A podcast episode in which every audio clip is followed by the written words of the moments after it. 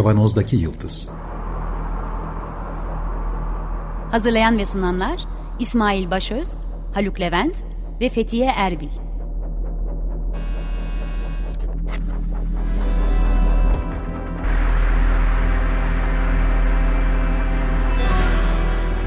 Bugünün penceresinden geleceğin ayak izleri.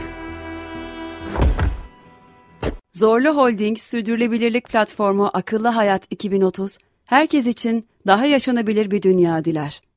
Merhabalar Açık Radyo'dayız. 95.0 Kavanoz'daki Yıldız programında sizlerle beraberiz. Haluk burada. Merhaba. Fethiye burada. Selamlar herkese. Ben İsmail buradayım tabii ve bugün çok büyük bir konuğumuz var. Evet. masa başı masa başından ekran başına transfer ettik. ekran derken biz tabii bunu bu kayıtları ekranda yapıyoruz. Tabii ki siz sesimizi duyuyorsunuz sadece ama biz şu anda onu görüyoruz uzun süre sonra. Ömer Şahin bizimle yıllardır prodüksiyonda bize büyük katkıları olan sevgili arkadaşımız. Hoş geldin. Hoş bulduk. Merhaba herkese. Evet şimdi Ömer Şahin. O e, Tom Meister e, masasını nasıl kullanıyorsun? Abi çok düğme var. Çok iyi. Ne kadar düğme varsa o kadar iyi. Işıklar da renkli olunca daha da iyi oluyor. Peki Ömer biz stüdyoya gelmeyince bir iki sene rahat ettin mi? İtiraf et. yani ben bir sene çok koşturdum radyoda. Biliyorsunuz radyonun o pandemiye hazırlanma süreci de biraz meşakkatliydi. Doğru. Çünkü herkesi yani 200 programcıyı dışarıdan e, radyoya getirmeden program yaptırmaya çalışmak hem teknik altyapı hem de programları bulma süreci işte canlı yayın nasıl yapılacak, prodüksiyon nasıl yapılacak diye. O süreçte bir sene boyunca bayağı koşturdum. Sonra zaten Covid olunca ve ağır bir Covid geçirince e, evden çalışmaya devam ettim sonrasında. Şu anda evden çalışıyorum. Çok rahat. İşe gidip gelmemek çok rahat. yani çünkü İstanbul trafiğinde yollarda bir iş yere gitmek. Bir de ben uzakta da oturuyorum. Göktürk tarafındayım. Tophane'ye gelmeye çalışıyordum. Yani zor. Artık hayat değişiyor biliyorsunuz. Uzaklardan işler, e, toplantılar ve şeyler, e, programlar sayesinde çok kolay oldu. Şu anda da kayıt yapabiliyoruz. Belki İsmail programımızı Metaverse'e taşırız insanlar kapmadan. Ne dersin? belki, belki. evet, Ama evet. ilk önce şunu şöyle araya gireyim. Bence Metaverse bir İngilizce terim. E, ben Türkçeleştirmek için öte evren öte e, evren. tabirini kullanabiliriz. Yani evren ötesi de olabilir ama öte evren daha karizmatik. Daha güzel, daha güzel. Yani öte evren, öte evren. Metaverse, öte evet, evren diyebiliriz Türkçe. Sağ ol. Ömer Şahin'in isim babalığıyla kavanozdaki yıldızdan afişe ediyoruz. Öte evren. evet, evet, bir matematik çizen çaldım. 1920'lerde meta matematik diye bir kavram türetiyor adam. Yani meta matematiği de işte biz de böyle öte evrenle şey yapabiliriz aslında uyarlayabiliriz. Peki şimdi önce önce sadece Ömer Şahin değildi e, radyoda bu kayıt masada e, uğraşan birçok arkadaşımızla beraber hepsinin ismini sayamayacağız ama Feryali, Selahattin'i ve Robi'yi de teşekkürlerimizi iletelim. Onlara da çok çok teşekkür edelim. İsimleriyle teşekkür edemiyoruz programımızın sonunda. Ellerine sağlık hepsinin. Deyip Metaverse konuşmaya başlamıştık iki haftadır. Ama artık öte evren diyelim. Biz öte evren deyince Metaverse olarak duyun siz diyelim.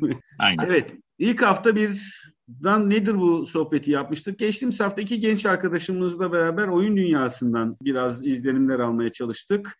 Çünkü oyun dünyasındaki gelişmelerin temelinde yürüyen bir süreç olduğuna dair bir izlenimimiz var. Evet, ortada. Aynen. Haluk seni hemen rahatlatayım. Elbette Star Trek'te bunun örnekleri çokça vardı. Eskiden belki de benzer. Daha daha kullanışlı örnek var Holodesk. Yani o materyalizasyon materyalize olabilen hologram gibi düşünün. Dolayısıyla ışınlanmadan mı bahsediyorsun? Işınlama değil. Işınlama teknolojisi var tabii temelinde. Ama hologramı materyalize ediyor. Dolayısıyla e, orada küçük ve senin tercih ettiğin önceden reçetesi verilmiş. Hı hı bir evreni yaratıyor ve sen onun içerisinde giriyorsun. Bu bir sinema filmi olabilir. Mesela Casablanca. Casablanca'da o karakterler normal konuşurlarken falan sen de kendin içine giriyorsun. Onlar tabii yapay zeka temelli olduğu için senin müdahalelerine orijinal tepkiler veriyorlar ve o yeniden canlandırılmış oluyor ya da ne bileyim antrenman yapıyorsun. Falan. Tatile gidiyorsun. Tatile en güzeli gidiyorsun. oydu. Denize giriyorsun. Denize Her şey. Peki güzelmiş. Bunların şimdi olabileceğine dair duyduk Metaverse'ü. Neden Ömer Şahin'le beraberiz? Ömer Şahin bilgisayar oyun dünyasında da çok uzun süredir deneyim olan yanılmıyorsam film seyretmek yerine bilgisayar oyunu oynamaya tercih eden. Doğru mu Ömer? Yok, yok. Film de seyrediyorum da yani oyun yani Sinclair'dan beri oynuyorum öyle düşünün. Yani Oo. Sinclair'ı bizim yaşımız bilir hani. Evet. Biraz yani kod yazarak oyun oynuyorduk biliyorsunuz orada. Basic dilinde kodlar yazarak anca oyun oynayabiliyorsun. Sonra kasetler çıktı. Commodore'lar falan aktarma başladı. Sonra PC'ler geldi. Oyun tabii çok etkileşimli şey yani beyni değiştiren bir yapı. Hani araştırmalarda da var. Beyniniz değişiyor. Hem iyi anlamda değişiyor hem kötü anlamda değişiyor. Yani eğer beyninizde bazı alışkanlıklara yatkınlığınız varsa onlar daha da artıyor. Ama mesela birçok araştırmada ben şöyle söyleyeyim. Sürüş oyunları mesela yaşların hafızasını ve odaklanmaya geliştiriyor. Yaşlılarda denemişler. Odaklanmaya, aksiyon tabanlı oyunlarda da %25 daha hızlı karar verdiriyor beyne. Yani bu oyunu oynayan insanlar diğer insanlardan %25 daha hızlı kararlar alıyor, doğru kararlar. Mesela oyunlar gör, görme kuvvetini arttırıyor gözlerdeki. Görme Çünkü dikkatle kuvveti. bakıyorsunuz aynen. Yani cerrahlar oyun oynayarak e, laparoskopik ameliyatlarını bilgisayar oyunu oynayarak geliştiriyorlar. El kabiliyetlerini ve şeylerini ve formüla yarışçıları da bir nevi e, oyunlarla bazı pistlerin şeyini geliştiriyorlar mesela. Öyle şeyler ne var. Ne duruyoruz o zaman programdan sonra başlayalım abi. E, oyun oynamaya başlayalım. Pilotları Hatta fizik, da. Fiziksel aktiviteyi de geliştiriyor çünkü Nintendo yani marka evet. veriyorum ama o çok spesifik bir evet. marka. Dans oyunları bilmem neler yaparak insanların fiziksel aktivitesini de geliştiriyor. Valla benim tenis oynamışlığım var elimde şeyle, probla. Yani en basit, aynen en basitinden de şey şu anda mesela bizim çocuklar yapay zeka ve kodlama dersi alıyorlar. Öğretici yanları da var. Oyun yani o bilgisayar oyunu kurgulayarak ya da oradaki materyalleri e, hareket ettirerek e, bir nevi öğretici yan da ortaya çıkıyor. Yani bir birçok sayabiliriz. Kötü yanları da var. Asosyalliğe neden oluyor. Ama asosyalliğe neden olmasının sebebi oyun olarak nitelendirmek de bilmiyorum ne kadar doğru ne kadar şey. insanların yatkınlığından kaynaklanan da e, tabii ki o şeyleri de arttıran yanları var. E, biraz her şeyin e, kararında olması insanlar açısından iyi olabilir. Yani kötü yanı iyi yanı olarak algılamamak lazım. E, bu bir süreç. Oyun dünyası da hani öyle baktığınızda 30-40 yıldır var yani hani. Programda genç arkadaşlarla da konuştuk. Yani çok fazla arkadaş edinme ve bir şekilde günlük hayatta da biz hep arkadaş deyince günlük hayat etkileşimini söylüyoruz ama e, aslında bir yandan da sosyal ne bileyim online arkadaşlıkların da onları doyurduğuna dair Doğru. ilk programda da konuşmuştuk. Dünyada da birçok insanın bu tür bir sosyal hayatı ikame ettiğini artık izliyoruz bir yandan da. Yani. yani bir kere dili çok geliştiriyor. Ona katılabilirim. Bir önceki programda Ece kız, evet. kız arkadaşımız söylüyordu. Evet geliştiriyor. Hatta Japonca bile öğrenmişliğim var yani. Ben hani e, PlayStation 2'de Japon'da oyunlar çünkü. E, yani Gran Turismo Japonca çıkıyordu. Artık Japonca dilini öğrenmiştim. Yani menülerde gezmek için bilmek gerekiyordu onu. Öyle şeyler söyleyebilirim. Ama e, gençlerin şu yanlışı var. Onlar tek tip yaşıyorlar şu anda.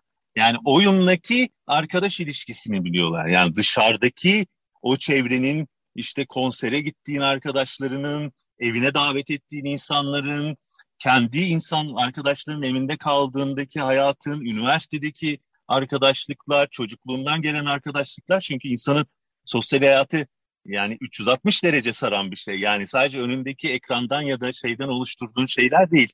Hani Doğru. onların yanında e, internet üzerinden Fransa'daki bir insanla konuşman ne kadar etkileşimli, ne kadar e, insan etkileşimi ya da insan arkadaşlığı açısından ne kadar doğru e, onlar tek açıdan baktıkları için bence öyle söylüyorlar. Yoksa 360 derecede çok değerli ya da çok değersiz bir sürü arkadaşın oluyor. Yani değersiz insanlardan da bir şey öğreniyorsun. Değerli insanlardan da bir şey yaşıyorsun. O yüzden insan başka şeyleri deneyimleyince ve de yaş alınca aslında aradaki, aradaki farkı daha iyi ayırt edebiliyor. Yani onlar şu anda tabii yaş olarak da gençler şu anda en iyi deneyimledikleri şeyler onlar. Onları tabii anlatıyorlar. Evet yani burada bahsettiğin şey sadece arkadaşlık değil. Online sipariş vererek sadece kapıda bir alışveriş yapmak yerine atıyorum işte çorbacıda çorbanın sıcaklığıyla kurulacak orada beklemek Aynen. vesaire gibi başka deneyimlerde bunun örnekleri çokça da artırılabilir tabii. Tabii. Evet. Burada bir şey çıkıyor bu durumda karşımıza. İşte o oyun sırasında ve sadece arkadaşlık sohbeti değil, oyun sırasında yaşanan e, duygular da önemli. Bunu sen senin anlatmanı biraz rica edeceğiz. Geçen hafta öğrendiğim benim bir şey vardı. Bunu belirtelim de gidelim. Bir third person yani yukarıdan izleyen, kendi avatarını yukarıdan izleyen bir takım oyunlardan bahsedildi. Birçok çeşidi vardı evet. da benim en çok dikkatimi çeken ayrım buydu. Bir yukarıdan izleyen, ikincisi de first person. E, Aynen. FPS. Yani elindeki mouse'u atıyorum işte silah gibi, taş gibi ya da evet. el gibi kullandığın ve bütün ekranın senin gözünden görüldüğü oyunlar gibi şeyler var. Aynen. E, farklılıklar var ve ben sadece ilk programda da söylediğimiz gibi yani sokak oyunlarıyla benzeşleştirebiliyorum. Yine de aklımız bir yere taşınıyor. Yani o sırada gerçekten onun içinde olmak, e, yenilmemek bir etkileşim var ya da hedefe ulaşmak her neyse yenilmemek değil de her oyunda olduğu gibi her oyunun bir hedefi vardır. Her oyunda olduğu gibi o hedefe giderken ki çabamız, rekabetimiz geçen hafta Ömer'in de söylediği gibi e, burada bu da insanın bir gerçeklik hissiyle becerebileceği bir şey olsa gerek yani. Yani beyin zaten hemen adapte olan bir organ olduğu için her türlü şeye hemen adapte olup onunla etkileşimi geçmeyi çok iyi başarıyor. İnsanın evrimindeki belki en iyi yaptığı şey beyni hem çevresini kendi ortamına adapte edebiliyor hem de kendi de o ortama adapte olup onun içine dahil olabiliyor.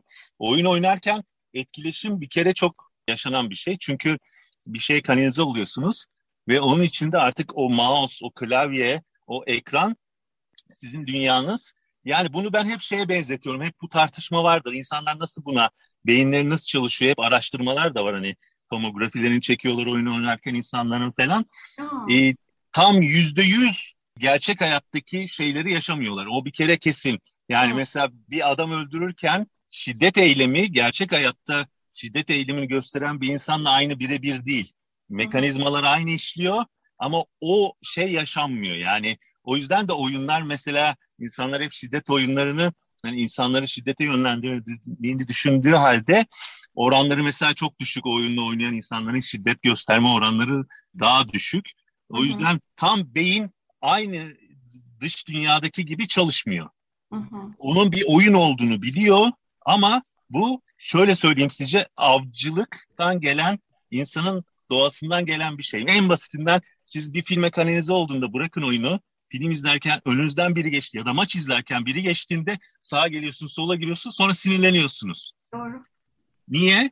Çünkü aslında siz bir avcısınız ve oraya ava ya da hedefe ya da amacınıza kitlenmişsiniz. Biri size engel koyuyor ve sinirleniyorsun. Bu Hı. tamamen bu. Oyunda da öyle. Yani biri oyun oynarken yani en küçük kızlarından bahsediyor. Yani 3-4 yaşında bile oyun oynarken gidin alın taşını elinden sinirleniyor. Çünkü evet. içgüdüsel olarak avcılıktan gelen bir yapı. Yani o, o oyuna kanalize olmaktan çok insan doğası böyle. Yani bütün avcılar böyle yaklaşıyor. Yani sen de git kedi kuyruk sallarken bir yere pusu kurarken onu dürtersen sana döner saldırır yani. Niye? Çünkü onun başka bir kanalize olduğu bir şey var. Ona çünkü hedefe ulaşmaya çalışıyor. Oyunda böyle bir şey. Ee, Valla birkaç oyunlar... defa söyledik ama Ömer sözü keseceğim. Tekrar söyleyeceğim. Hı. Beni, bana en etkili örnek hep Levent Göy'ün verdiği örnek geliyor. İki haftada önce söyledim. Yani halıda oturmuş ellerinde önlerinde hiçbir materyal yokken oynayan çocukların arasından geçince bile onlar Tabii. oyunlarının kuru, kırıldığını şey yapıp tepki gösteriyorlar. Geçme buradan vesaire diye. Yani evet bir oluşuyor gerçekten. Orada da bir gerçeklik algısı ya. oluşuyor muhtemelen yani. Aynen aynen. Beyin çünkü doğal olarak kanalize olduğu bir şeyin önüne engel koyduğunda sinirlenerek tepki veriyor. Bizim çocuk araştırmalarında öğrendiğimiz bir şey vardı. Sözünü kestim özür dilerim. Ee, böyle çocukların sesini duymak, çocuklarla birlikte araştırma yürütmek ve onların hayatını anlamaya çalışan bir araştırma metodolojisi. Orada okuduğum bir makalede şunu görmüştüm. Mesela ebeveynler, doğrudan anneler demek istemiyorum. Ebeveynler böyle akşam olunca çocuğun uyku vakti vesaire gelince ya da günün belli saatlerinde ev daha derli toplu olsun isterler. Salon en azından çocuğun odası vesaire ya. çocuğun böyle ortalığa saçtığını düşündüğü oyuncaklarını, arabalarını falan kaldırıyor, oyuncak kutusuna koyuyor. Birçok çocuk buna ne kadar çok kırıldığını, üzüldüğünü ve kendini dışlanmış, aşağılanmış hissettiğini söylemiş. 3 yaş, 4 yaş, 5 yaş. Evet. Çünkü onun orada kurduğu bir otopark oyunu varmış mesela. Hepsinin hmm. kazandığı puanlar varmış. Hayvanların yerleri belliymiş ve belli e, adımlarla ilerliyorlarmış onlar ve annesi sıfırdan onun 2-3 saatte kurduğu oyunu ya da babası yerle bir ediyor. Tam da e bu çünkü, bir örneği. Çünkü bir bilinç oluşturuyor önce, e, kurgu oluşturuyor, onun üstüne de benlik yaratıyor. Yani çocuk sonuçta kimlik oluşturmaya çalışan bir şey ve bu bunları yapmaya çalışıyor ve sen onu engelliyorsun ya da yaptığı şeyi bozuyorsun. Onu tekrar yapmak zorunda. Tabii ki yani kızacaktım nasıl Yani oyunların şöyle bir artısı da var. Hele bu dönemde onu da söyleyeyim. Niye filmlerden daha etkili? Hmm. Ben çok film izleyen bir insanım. Hala izliyorum yani o o başka bir şey. Çünkü ben yani film külliyatında iyi bilen, e, psikanalizi de okuyan, yani bir Fight Club'ı izleyen insanlar içerisinde niye adam oraya penguen koymuş?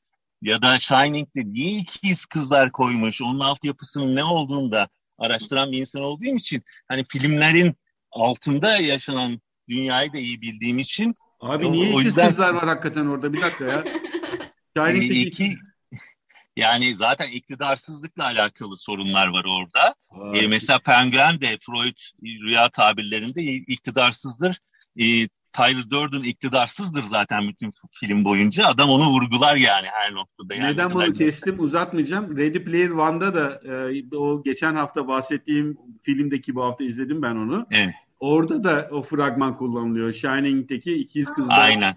fragmanını kullanıyorlar Aynen. Ready Player One'da da. Yani. Kullanıyor onu bilerek araya koymuş. Çünkü teknolojiye dahil olan insanların öyle sorunları var diye hala eski insanlar yani Spielberg eski olduğu için öyle oraya çakıyor tabii lafı yani. Öyle düşünün yani. Oyunlar neden daha etkili şu anda? Çünkü film düşünsenize şimdiki jenerasyona baba filmlerinin üçlemesini izlettirin hadi. Üç buçuk saatten başlıyor. Çok zor. Hayat çok hızlandı. Neredeyse filmler dizilere dönüştü. Yani 40-35 dakikaya düştü e, müzik sektörü bile biliyorsunuz 70'lerde 10 dakikalık 20 dakikalık müziklerden şimdi 2 dakikalık müziklere yani hızla ilerliyor. Tüketim hızlandı. Oyunlar tam tersine uzadı. Niye? Yani şöyle söyleyeyim size. E, God of War diye bir oyun var. God of War 100 saat oynanıyor. Oo, baştan sona bitirmek için. Tabii 100 saat oynayacaksınız.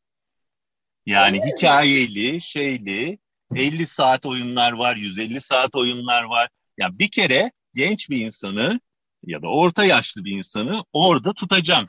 Bir Hı-hı. seferde tutmasan da oyunda tutacaksın. E bunun kurgusu var, hikayesi var, oyunun içine alışı var, e, metni var, 100 saatlik metin yazmak var. Ya bunlar kolay işler değil. O yüzden milyarlarca dolarlık şey dönüyor. O yüzden de orada kullanılan insanları kanalize etme yöntemleri daha farklı filmlerde. Yani filmde iki saat izliyorsunuz ve çıkıyorsunuz. Alt okumasını araştırırsınız, kendiniz araştırırsınız. Araştırmazsınız, araştırmazsınız. Ama oyunlarda sizi içine sokmak zorunda. Ve o oyunu size oynatmak zorunda. Oynatamazsa bir dahaki oyunda satamazlar. Evet, yani o yüzden oyunlar çok gerçekçi olmaya başladı abi. Pardon sözünü kestim. Estağfurullah. En basitinden şu anda Galaksinin Koruyucuları diye Marvel'in film serisinden bir şey var ve oyun onun oyununu çıkardılar. Yani yemin ediyorum filmden daha gerçekçi Aa. ve daha iyi o evreni yani Marvel evrenini içine alıyor. Çünkü oyunu oynamak zorundasınız ve size daha kaliteli şey sunmak zorunda filmlerden. Rekabet ettikleri filmler aslında Metaverse değil. Hmm. Metaverse filmlerden ve oyunlardan alıp kendine yeni bir evren yaratmaya çalışan bir kurum aslında şu anda gördüğüm o. Yani Metaverse'ün amacı ikili iki boyutlu e, internet dünyasını üç boyuta taşıyıp önceki gördüğü oyun ve film sektöründe materyallerini alıp şu anda onun içine yerleştiriyor. Ee, Biraz ben, o yolda ilerliyorlar. Evet bu girişim çok iyi oldu ama ben bir küçük ekleme yaparak devam edeceğim. Bir önce bahsettiğin uzun hikayeleri içermesi oyunların. Bu programlarda sıkça benim e, lafını ettiğim, çok sevdiğim, e, son zamanların en sevdiğim felsefecilerinden e, Byung-Chul Han Zamanın Kokusu ismi kitabında isimli kitabındaki çok hakikaten böyle ismini kitabın ismini anmayı çok seviyorum. Orada çok önemli bir laf söylüyordu. hikayesiz, sadece hikayesi değil, süreyen hikayesiz günler geçiriyoruz. Süreci Aynen. Süreci olmayan zamanlar gibi. Hani çok kaba indirgemeci bir benzetme yapacağım ama 140 karakterlik parçalarla yaşanıyor orada. Tabii bunu ben çeviriyorum. Bu şekilde bu kelimelerle anlatmıyor. Tabii ki çok çok güzel anlatıyor kendisi orada. Bize gerekli olan o süreç izleme, süreyen hikaye izleme hikayesinden uzak kalmaya başladık diye. Bir, bir an anneme hak vermiştim dizileri her hafta bekleyerek dizi izlemesini bile aslında şu çağda ne kadar kıymetli bir hal aldığını. Bu bahsettiğin oyunlarda da devam eden bir süreyenlik var aslında. Bir yandan da olumlu bir şey olarak okudum ben bunu. Bazılarında ama şimdi mesela o geçen hafta konuk olan gençler süresizlik oyunlarını oynuyorlar. FPS ve o yukarıdan bakış oyunları süresizlik oyunları. Neden yani mi? onların hiçbir hikayesi yok. Yani bir mekan var, sonsuz bir mekan. Mesela bir alanda var, savaşıyorlar. Onda süre yok. Sana hedef veriyor. A noktasındasın, B noktasını ele geçir diyor. Hmm. Ve bütün 60 kişi, 100 kişi arkadaş grubu girip öteki arkadaş grubuyla savaşıyor. Bunda bir süre yok. Bir zaman Benim geçmiyor. Anlat yani zaman geçmiyor. Yani kumarhane yok. gibi düşünün. Kumarhaneye girdiğinizde kumarhanelerin amacı nedir? Perdeleri kapatırlar. içeri hafif güzel kokular verirler. Uyanık kalmanızı sağlayan uyarıcı kokular verirler. Saatleri ortadan kaldırırlar. Sen ne zamanı bilmeden oyna ve şey yapana kadar bilmeden çık. Gece mi oldu, gündüz mü oldu, üç gün mü geçti bilmezsin. Bir noktadan Oyunlarda, bir noktaya gitmek yok yani. Evet yok. Şimdi de öyle oldu. Yani süre yok, kurgu yok. Ona dönüştüler. Bu 5 senedir, 10 senedir. Ee, ona doğru da evriliyorlar. Artık oyunlar kurguyu da bırakmaya başladı. Süresiz me süresiz zaman mekansız yani sonsuz mekanlı alanlara dönüştü ve oyuncuları orada ne kadar daha uzun tutabiliriz ve onlar üzerinden ne kadar daha fazla para kazanabiliriz de dönüştü aslında. Bilmiyorum bu ne bunun, kadar ilerleyecek. Bunun dışında bilmiyorum. oyunlar var diyorsun ama değil mi? Var. Yani kurgulu benim anlattığım, benim oynadığım tekrar ismini, kurgulu hikayeli oyunlar. E, alalım en azından o, oynamaya niyetlenirsek ne mesela o bahsettiğin oyun? Yani bir sürü oyun var. God of War'lar var. Galaksinin koruyucuları var. Peki. Detaylı bir liste alırız Ömer'den sonra. Son dakikalara gelirken evet. biraz sen bize söyle. Neden oyundan Metaverse'e doğru geçtiğimizi sen bize bizden daha iyi anlatırsın muhtemelen yani. Yani oyundan Metaverse aslında Metaverse ile oyunun hiçbir alakası yok. Metaverse bir evren yaratıyor. Hı-hı. Sadece avatar oluşumunu üretmeye çalıştığı için oyunlardan esinlenerek bir şeyler yaratmaya çalışıyor. Aslında Hı. ikisi bambaşka şey. Yapısal olarak benziyorlar ama bambaşka dünya. Biri tamamen ticari olarak insanların oraya girip alışveriş yapabildiği, kendi evrenini yarattığı, kendi arkadaş grubuyla e, evlerinde oturarak bir dünya yaratmaya çalışıyor. Oyunlar ise bir amacı var. Oyunun bir amacı var. İlk söylediğim Metaverse yani öte evren diye bizim kullanmaya Aynen. yavaş yavaş döndüreceğimiz oturduğu yerden günlük hayatta yapabileceği şeyleri yapmasını sağlayacak bir aynen, e, aynen. öte evren yaratma girişimi Metaverse. Oyunların öyle bir amacı yok. Oyun sana belirli alanlarda kendi karar verdiği, oyunun yaratıcıları tarafından karar verilen bir şeyi oynatıyor. Öte evrende öyle bir şey yok. Öte evrende sen karar vericisin ve sen ne yapmak istiyorsan ona göre arkadaş grubunla ya da şeyle sen bir evreni yaratıyorsun, onun içinde var oluyorsun. Öyle düşünün. Ya da e, yaratılan dijital altyapı diyeceğim? Altyapı lafı bile acayip geldi. Atıyorum hep birlikte gidip işte iyi bir mimarisi olan bir yerde toplantı yapmak dünyanın diğer yerlerindeki insanlarla gibi herhalde Aynen. bu tür hizmetler sunuyor. Yani o süresizlik e, meselesi aslında günlük hayatın taklidini içeriyor bir anlamıyla. Tabii. Tabii. Evet, evet. Metaverse'de zaten onu hedefliyor. Dolayısıyla o anlamda belki oradan bağ kurulabilir. Evet yani Aynen. önümüzdeki haftada devam edeceğiz Ömer Şahin seninle zaten. E, Metaverse tamam. kısmını daha ağırlıklı konuşmaya çalışacağız. Burada biraz önce e, konuştuğumuz oyunlardaki avatar modelini artık herkesin kendi istediği, görünmek istediği biçimiyle oluşturduğu bir isterseniz smokinli bir muz olabilirsiniz, isterseniz normal hayatınızdaki görüntümüzde olabilirsiniz. O şekilde dijital dünyada, ekranda yer alacağı ve bunun da sadece bilgisayar ekranında değil, eğer gerçekleştirilebilirse ki çok güzel bir şey söylemiştim programdan önce. Daha henüz yeterli teknoloji yok diye bir küçük diyor verelim önümüzdeki hafta programına dair. 3D gözlükler ya da e, VR gözlüklerle VR. gerçekleştirilecek olan bir dünyaya kurulmak istenen bir öte evrene doğru gidişat var. Bu arada en son gördüm ismini vermeyeceğim ama biz bu hafta içi yazışırken birbirimize gönderdiğimiz yazılardan birinde bir sanal yani ne o dijital kıyafet, avatar kıyafeti dükkanı gördüm. Şimdi bildiğimiz bir sürü markanın kıyafet markasının dükkanına girdiğinizde görebileceğiniz web sitesi Her şey. sergilemesini aynen isterseniz bir hırka, isterseniz bir zırh işte 25 dolara, 28 dolara, kaşkol işte 32 dolara her neyse yapılıp satın giyebileceğiniz ve doğal gaz kesildiği zaman sizi ısıtacak şeyler değil bunlar. evet. Buna rağmen satın alınacağı belli, artık satın alınacağı belli. Sırf o dünyada yer alırken görüntüyü oluşturmak üzere satılan dijital materyaller tanımlamakta zorluk çekiyorum. Herhalde çok dijital acayip bir şey değil, değil mi? Smile direkt. Dijital kıyafet tasarımı. Evet. Oyun, oyunlardan aldıkları şey bu işte. Mesela FIFA oynarken e, krampon satın alıyorsun, e, çorap satın alıyorsun, forma satın alıyorsun. Mesela parayla bunları satıyorlar. Parayla satıyorlar. Parayla satın alıyorsun. Parayla satın. Gerçek yani, parayla. Token'la evet çünkü kendine göre e, bir futbolcu belirliyorsun. Kendinde tasarlayabiliyorsun. Kendine benzeyen de bir avatar tasarlayabilirsin futbolcu olarak. Ve ona işte artık kramponu kırmızı mı olsun, mavi mi olsun, markalı mı olsun, o mu olsun diye hem puan kazandıkça hem de ekstra parayla materyaller satın alabiliyorsun. Bunu futbol ya da oyun dünyası 10 seneden fazladır yapıyor. İyi de satıyorlar. Yani şöyle söyleyeyim oyunun sattıklarından daha fazla para kazanıyorlar. Mesela oyunlar bedavaya çıkmaya başladı şu anda. Çünkü yan ürünlerle daha fazla para kazanmaya başladılar. Abi evet tam tam bu noktadan devam edebileceğimiz bir yerlere tamam. geldik. Yaklaşık biz 30 dakikadır kayıt yapıyoruz. Bunları ben ben edit edeceğim. Ömer Şahin'e göndereceğim. Ömer Şahin size sunumunu yapacak. Radyoya son nedir o cilalaması yapıp size sunacak dinlemeniz için. Evet. Ee, çok teşekkür ediyoruz Ömer. Önümüzdeki hafta da konuşmaya devam edeceğiz. Metaverse'ü oyun dünyasından başlayarak bir e, sohbetle devam ediyoruz.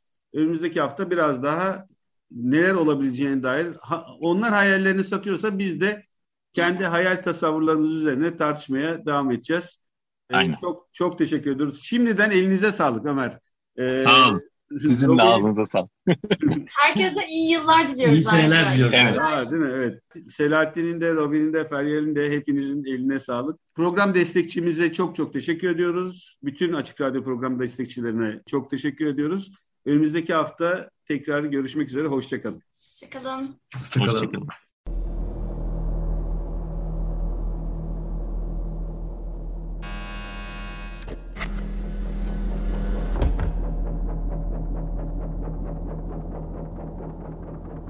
Kavanozdaki Yıldız Bugünün penceresinden geleceğin ayak izleri.